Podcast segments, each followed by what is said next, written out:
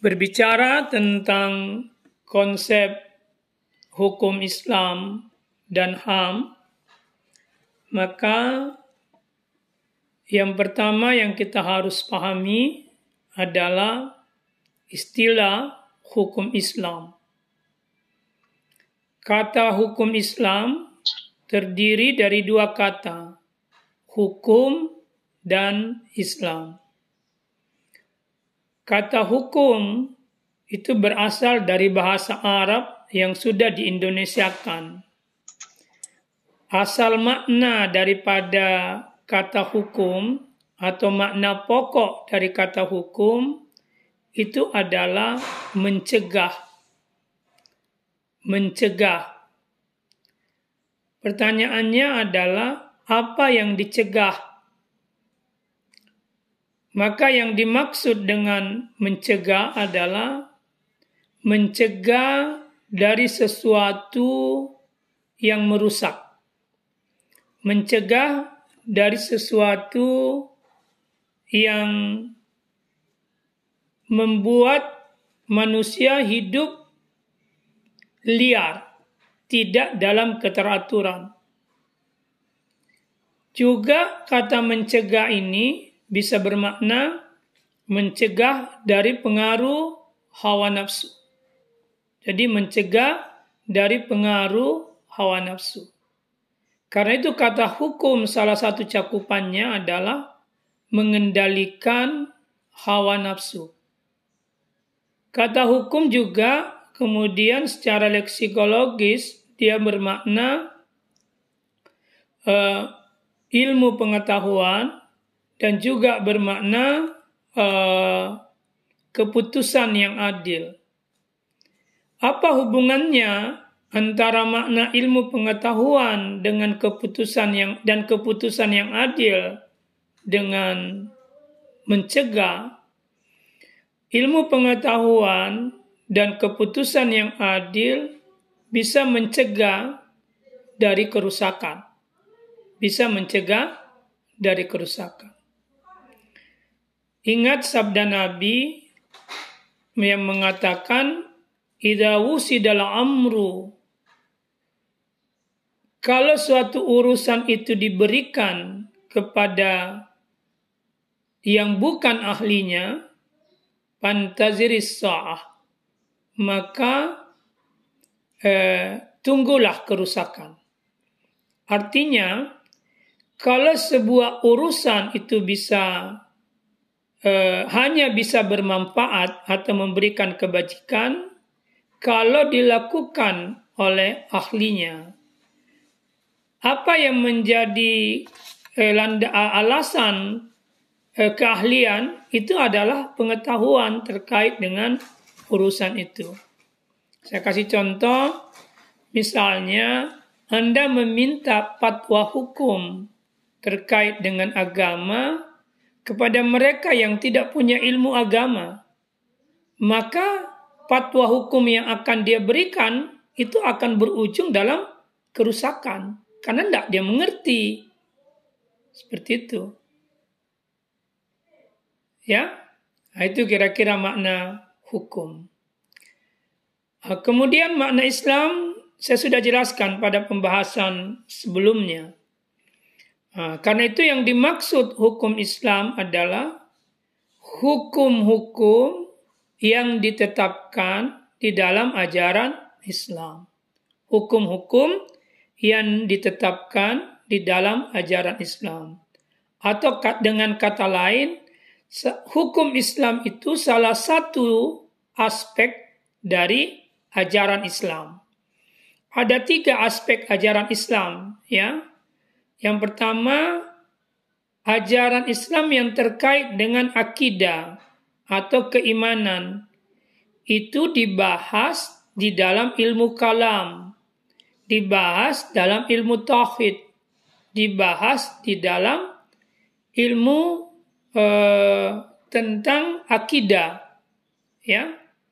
Jadi ini kalau kita kaitkan dengan eh, hadis Nabi yang datang kepadanya Jibril bertanya tentang tiga hal, maka persoalan eh, aspek yang pertama dari ajaran Islam itu adalah aspek iman, aspek akidah, atau aspek ketuhanan atau tauhid, atau aspek eh, apa eh, ilmu kalam dipelajari dalam ilmu kalam. Aspek yang kedua di dalam ajaran Islam kalau berdasarkan hadis tadi itu adalah aspek Islam. Aspek Islam inilah yang terkait dengan syariat atau hukum Islam. Jadi masalah eh, bukan aspek Islam, aspek Islam ya. Aspek Islam inilah yang terkait dengan syariat. Maka kita akan mengenal di dalam hukum syariat itu ada namanya hukum Islam itu ada namanya hukum syariat dan hukum fikih. Jadi hukum dalam arti syariat dan dalam arti fikih. Ya. Syariat sendiri artinya jalan. Artinya jalan menuju mata air. Jadi secara sederhana kita bisa berkata bahwa syariat itu adalah seseorang harus melalui jalan untuk dapat hidup. Ya. Jadi seseorang harus melalui jalan untuk dapat hidup.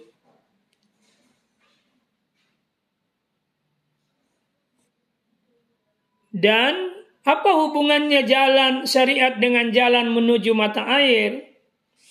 Ha, sebab sebab air merupakan salah satu unsur yang sangat penting di dalam kehidupan. Jadi kalau kita analogikan syariat dengan jalan menuju mata air, maka dikatakan bahwa kehidupan itu membutuhkan syariat sebagai unsur yang sangat vital da, yang sangat vital untuk dapat berjalan dengan baik di atas kehidupan. Jadi syariat itu seperti mata air kehidupan, begitu kira-kira.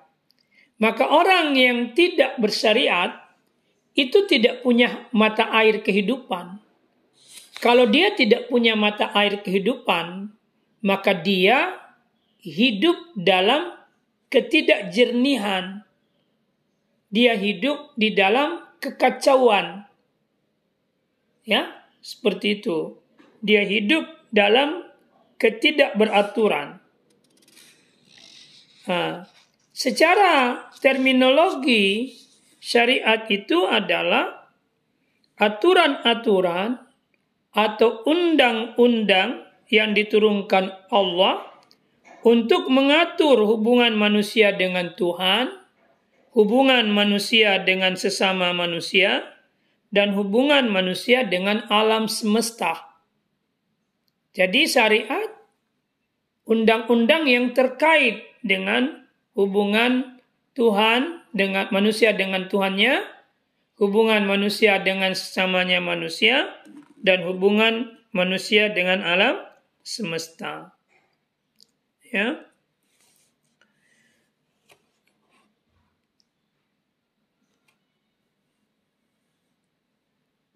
Kalau begitu, kita bisa berkata bahwa syariat itu merupakan jalan yang benar dan sekaligus menjadi dasar ya. Sekaligus menjadi dasar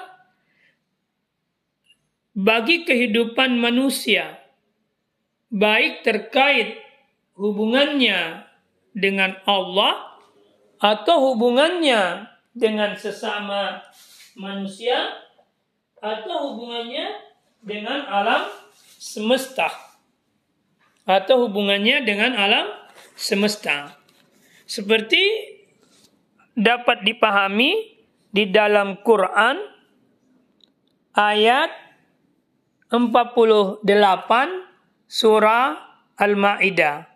Jadi di dalam surah Al-Maidah ayat 48 itu dijelaskan seperti kata Allah atau firman Allah Subhanahu wa taala, "A'udzu billahi minasyaitonir rajim.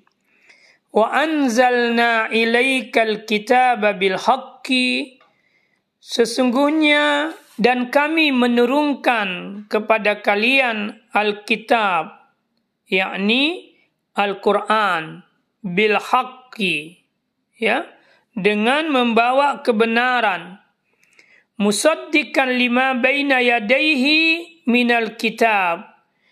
Al-Quran itu membenarkan apa yang ada sebelumnya, yakni kitab-kitab, ya kitab-kitab, wa muhaiminan alaihi kitab-kitab yang lain dan muhaiminan alaihi.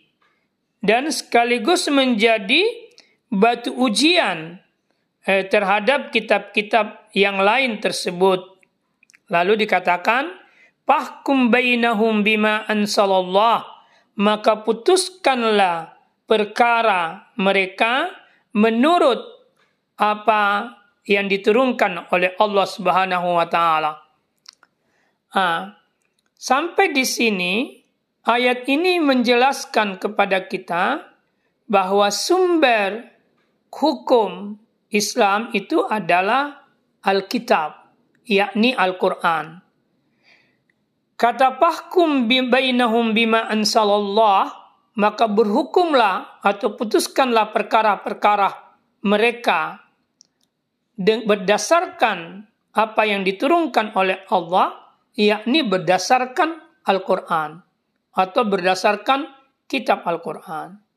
Lalu Tuhan menegaskan, wala tattabi ahwa'ahum amma ja'aka minal haq dan janganlah kalian mengikuti janganlah kamu mengikuti hawa nafsu mereka dengan meninggalkan kebenaran ya minal haq dengan meninggalkan kebenaran yang terdapat di dalam kitab.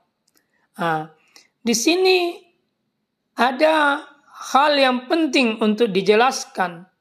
Yang pertama, al ayat ini memerintahkan berhukum dengan Al-Quran atau kitab suci Al-Quran. Di sisi lain, dilarang Nabi Muhammad Wasallam untuk mengikuti hawa nafsu mereka. Artinya, mengikuti hawa nafsu itu tidak sesuai dengan apa yang diajarkan oleh Al-Quran.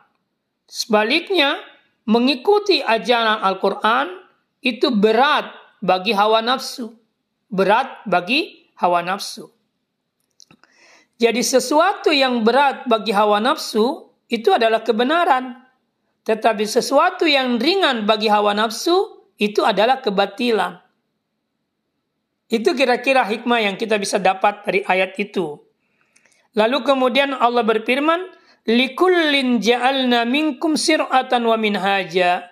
Di setiap umat di antara kalian itu sudah dijadikan bagi mereka syariat dan manhaj. Sudah dijadikan bagi mereka syariat. Ya, jadi setiap umat sudah ada syariatnya. Umat sebelum Nabi Muhammad sudah ada syariatnya. Dan syariat umat Nabi Muhammad sejak yang mana umat Nabi Muhammad sejak manusia eh, eh, umat Nabi Muhammad itu adalah manusia yang menjadi objek dakwah Muhammad sejak Nabi Muhammad diutus dan diangkat menjadi nabi dan rasul hingga hari kemudian. Itu umatnya Nabi Muhammad. Kalau begitu, umat Nabi Muhammad punya syariat dan minhaj, punya manhaj dan punya syariat. Dari mana sumber manhaj dan syariat umat Nabi Muhammad? Yakni dari kitab Al-Quran. Maka tadi didefinisikan syariat Islam itu adalah undang-undang atau aturan-aturan yang diturunkan Allah lewat kitab Al-Quran di mana di dalam Al-Quran itu diatur hubungan antara Allah dengan antara manusia dengan Allah dan antara manusia dengan manusia dan antara manusia dengan uh, apa alam semesta atau makhluk yang lain itu disebut syariat Islam. Nah, kemudian istilah lain yang terkait dengan hukum Islam itu disebut dengan istilah fik. Ya. Fikih itu secara bahasa adalah paham atau pengertian atau pemahaman manusia terhadap syariat. Jadi fikih itu pemahaman manusia terhadap aturan-aturan hukum yang ditetapkan oleh Allah di dalam Al-Quran.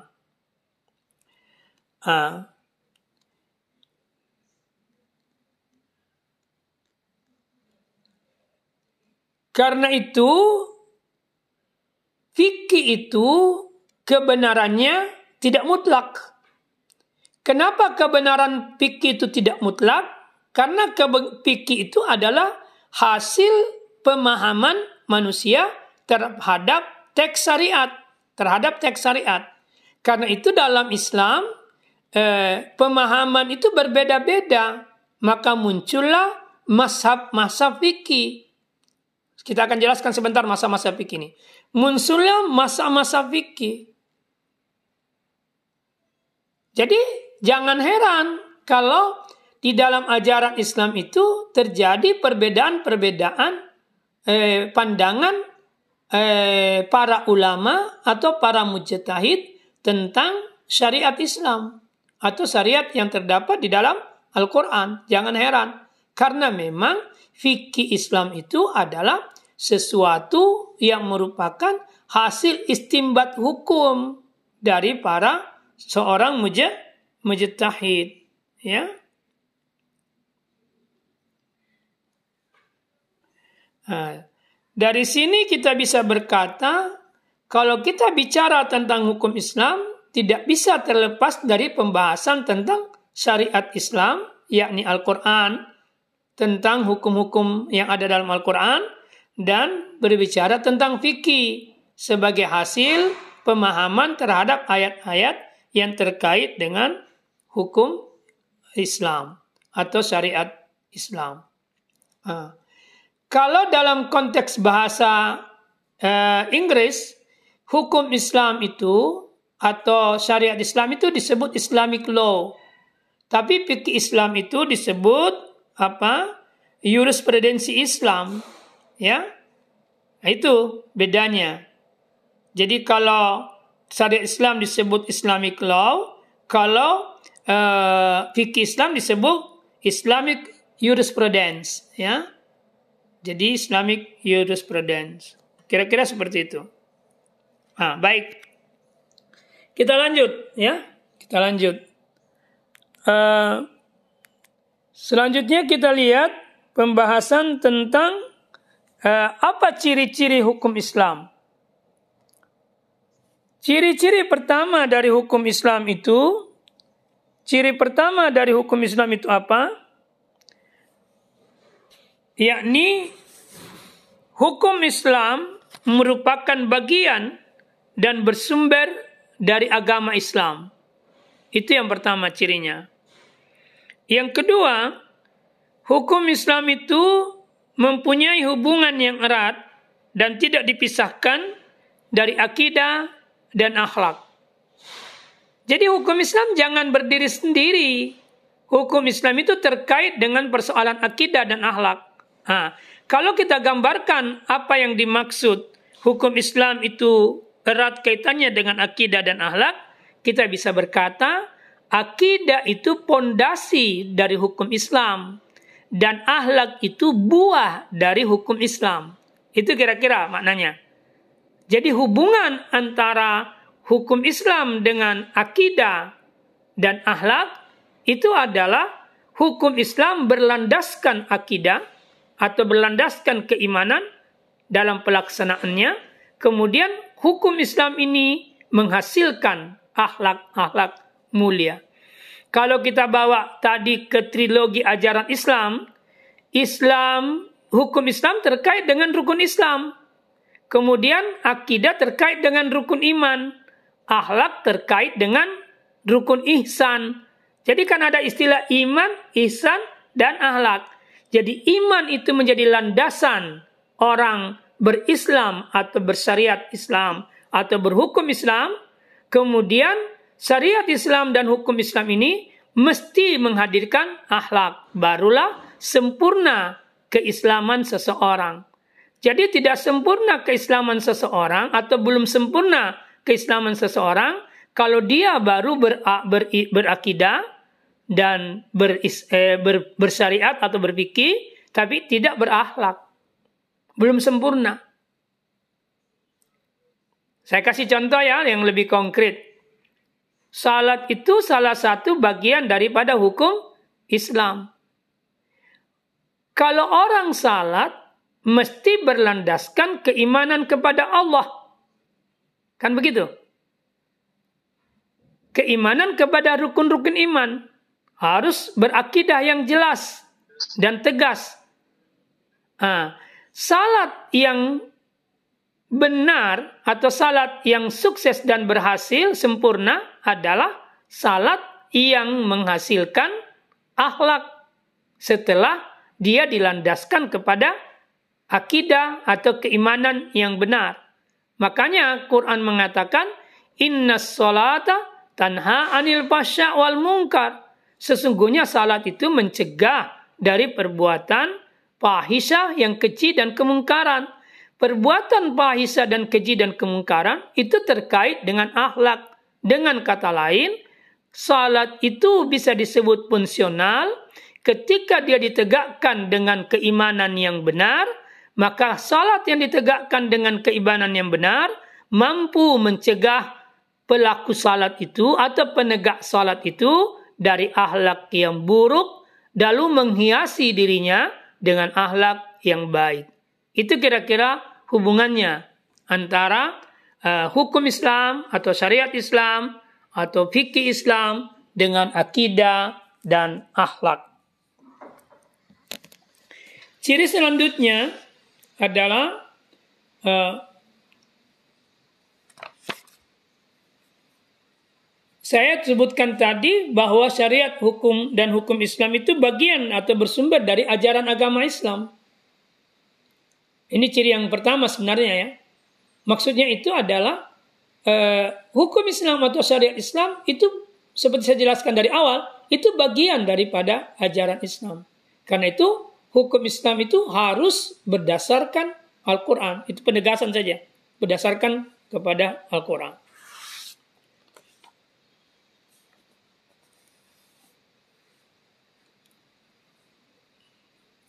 Nah, kalau kita bicara tentang uh,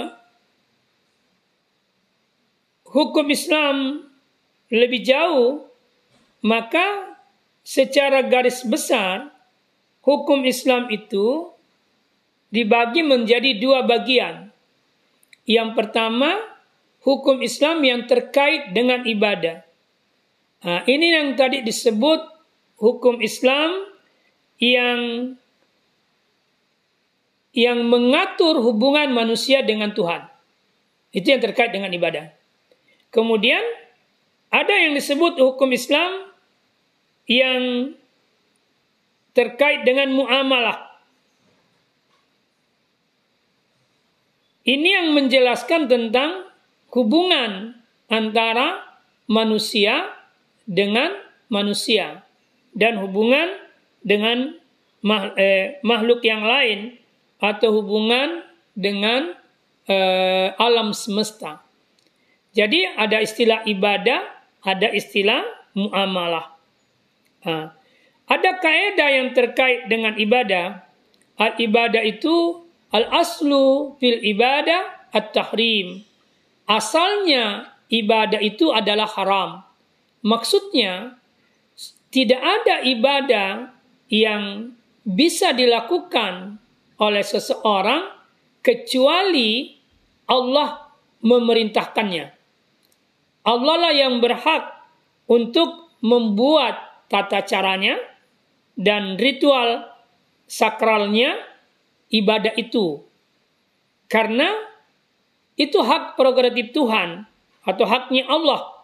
Manusia tidak punya hak untuk membuat aturan-aturan ibadah. Aturan yang yang mengatur hubungan manusia dengan Tuhan. Jadi makanya kaidah mengatakan al aslu fil ibadah at-tahrim. Hasalnya hukum asal daripada ibadah itu adalah haram. Artinya nanti ada perintah terkait dengan ibadah baru bisa dilakukan. Kalau tidak ada perintah jangan bikin-bikin. Itu maksudnya. Kemudian dalam aspek muamalah al aslu fil muamalah ya atau yang terkait dengan selain ibadah al ibaha itu boleh.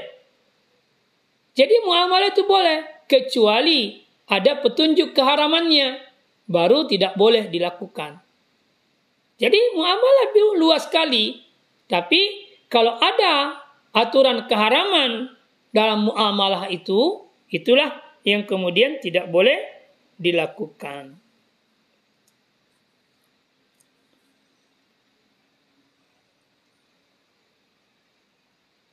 Bisa dipaham sampai sini?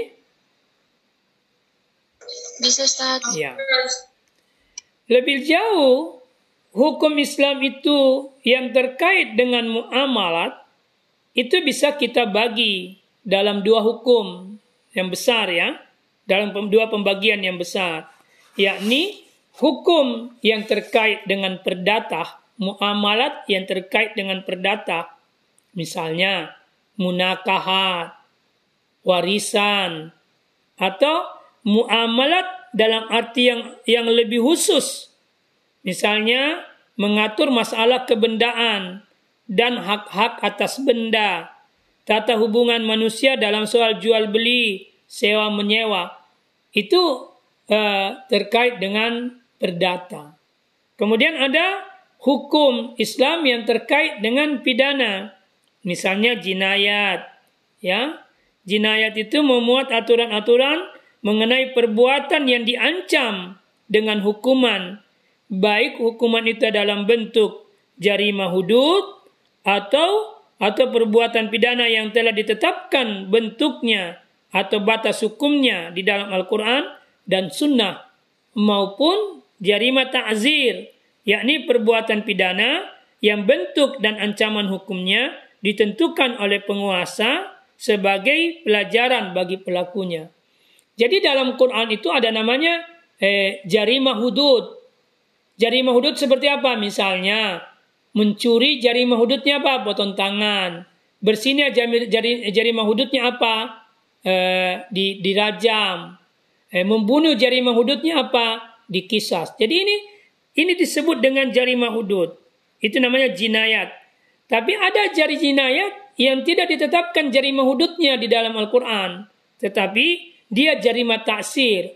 Jarimah taksir itu adalah ketetapan yang ditetapkan oleh seorang hakim atau pemerintah terhadap pelaku pelanggaran jinayah tadi uh, dalam jinayah-jinayah tertentu. Misalnya ya, seperti itu kira-kira. Yang kedua, yang termasuk dalam hukum pidana adalah ahkamus sultaniyah, yakni membicara yang berbicara tentang eh, soal-soal hukum yang terkait dengan kepala negara atau negara atau pemerintahan baik pemerintahan pusat maupun daerah terkait dengan pajak tentang rakyat dan sebagainya. Kemudian hukum jinak pidana yang ketiga adalah tentang siar, yakni mengatur urusan perang dan damai, tata hubungan dengan pemeluk agama dan negara lain. Kemudian ada hukum pidana yang lain yang adalah muhasamat, yakni mengatur soal peradilan, kehakiman, dan hukum acara. Itu yang terkait dengan eh, apa eh, bidang-bidang yang dibicarakan di dalam hukum Islam. Selanjutnya kita bicara tentang tujuan hukum Islam atau dalam istilah uh, fikih Islam itu disebut maqasidus syariah. Jadi tujuan syariat diturunkan. Maqasid as-syariah. Uh, di dalam eh, pembahasan tentang maqasid as-syariah, As-Satibi itu membagi lima maqasid as-syariah. Yakni pertama disebut hibsuddin hibsuddin, memelihara agama.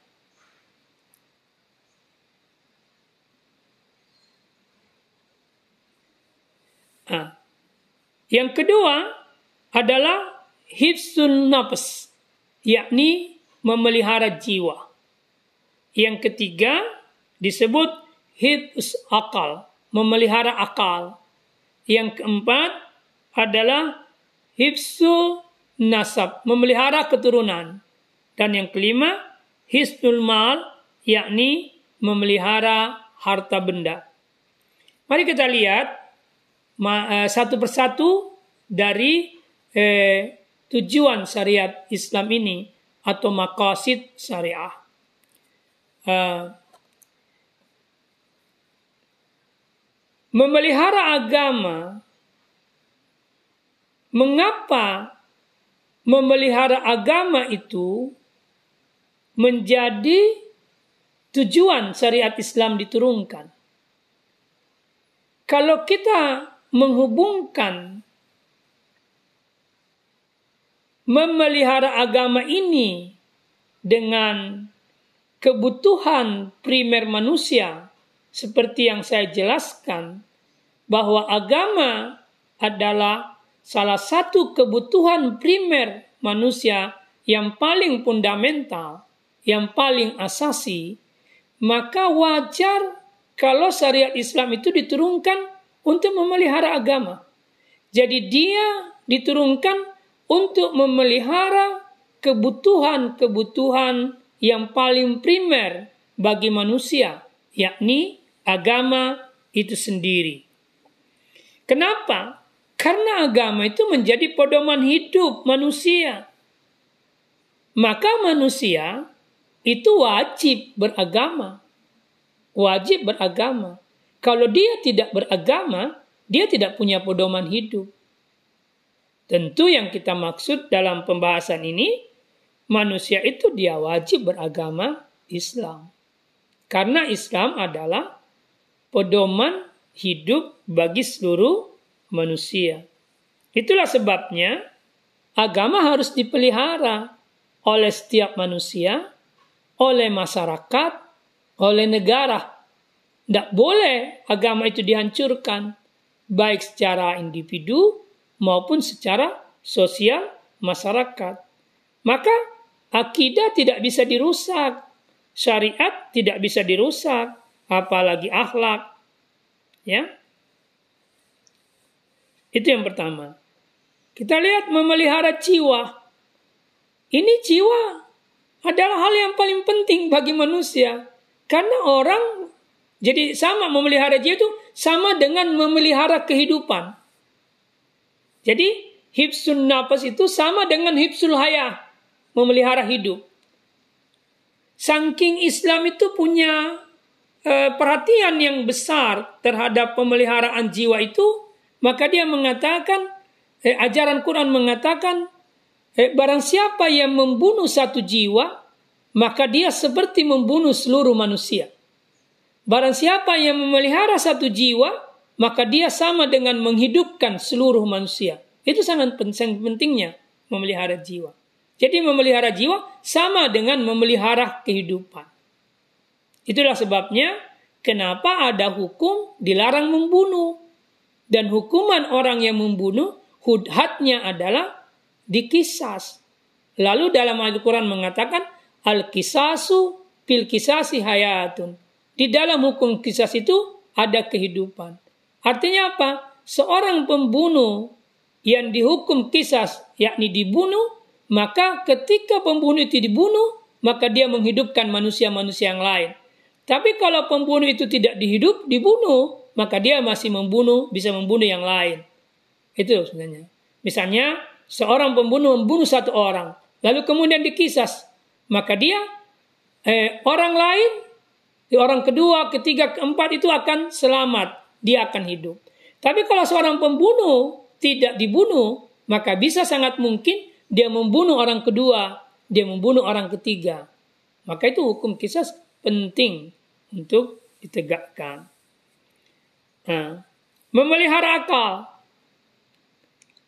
seperti memelihara ini juga penting, sangat penting. Karena salah satu syarat orang itu diberikan taklif agama atau diberi beban agama karena dia berakal. Jadi syarat orang bisa diberi taklif agama, dia berakal atau beban kewajiban agama karena dia berakal.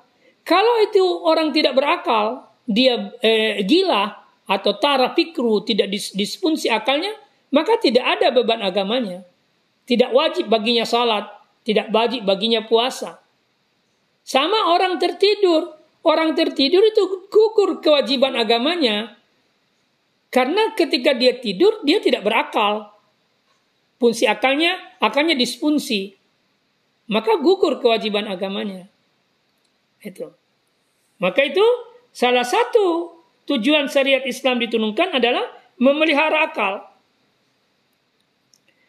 Karena akallah yang bisa mengantar manusia mengenali Tuhan.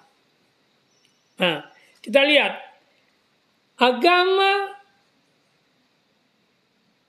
jiwa atau kehidupan dan akal ini adalah sesuatu yang sudah dibawa oleh manusia sejak dia lahir ke dunia. Sejak bayi manusia itu sudah mengerti dan diberi pemahaman oleh Allah atau diberi kesadaran berketuhanan yang kita sebut dengan fitrah manusia. Sejak lahir manusia punya hidup, punya kehidupan, punya jiwa.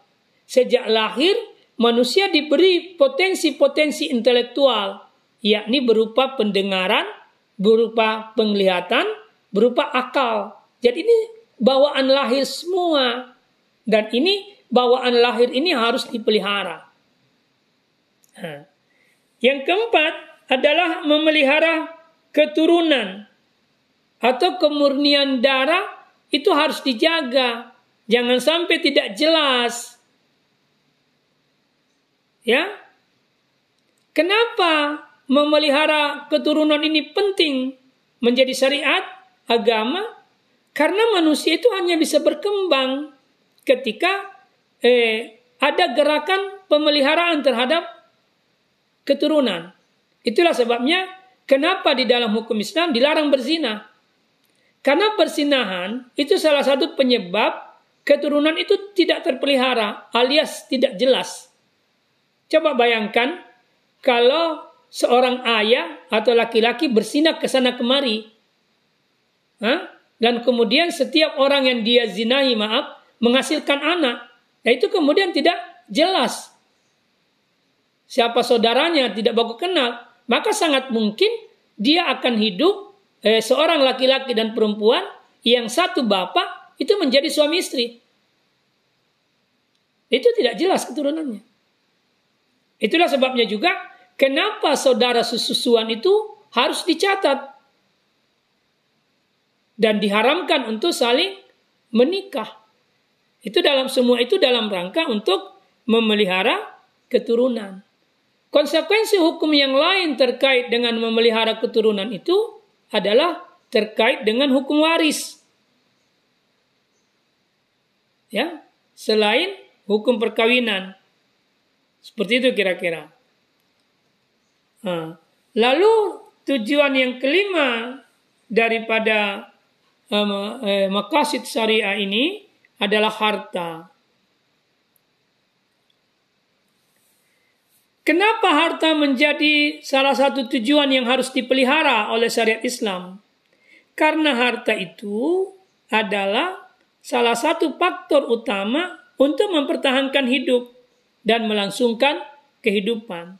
Sebab itu manusia sebagai halifah di bumi itu dilindungi haknya atau memperoleh harta dengan cara yang halal, maka dia harus bekerja dengan cara yang halal, bukan dengan cara yang haram. Maka orang dilarang mencuri, dilarang korupsi, dan sebagainya. Karena sesungguhnya mencuri itu mengambil hak orang lain dengan tidak benar. Maka kalau orang mengambil hak orang lain dengan tidak benar, maka dia tidak memelihara harta orang lain. Ya. Saya kira ini dulu yang saya bisa jelaskan tentang hukum Islam. Insya Allah kita akan menjelaskan pada kesempatan selanjutnya. Terima kasih. Assalamualaikum warahmatullahi wabarakatuh.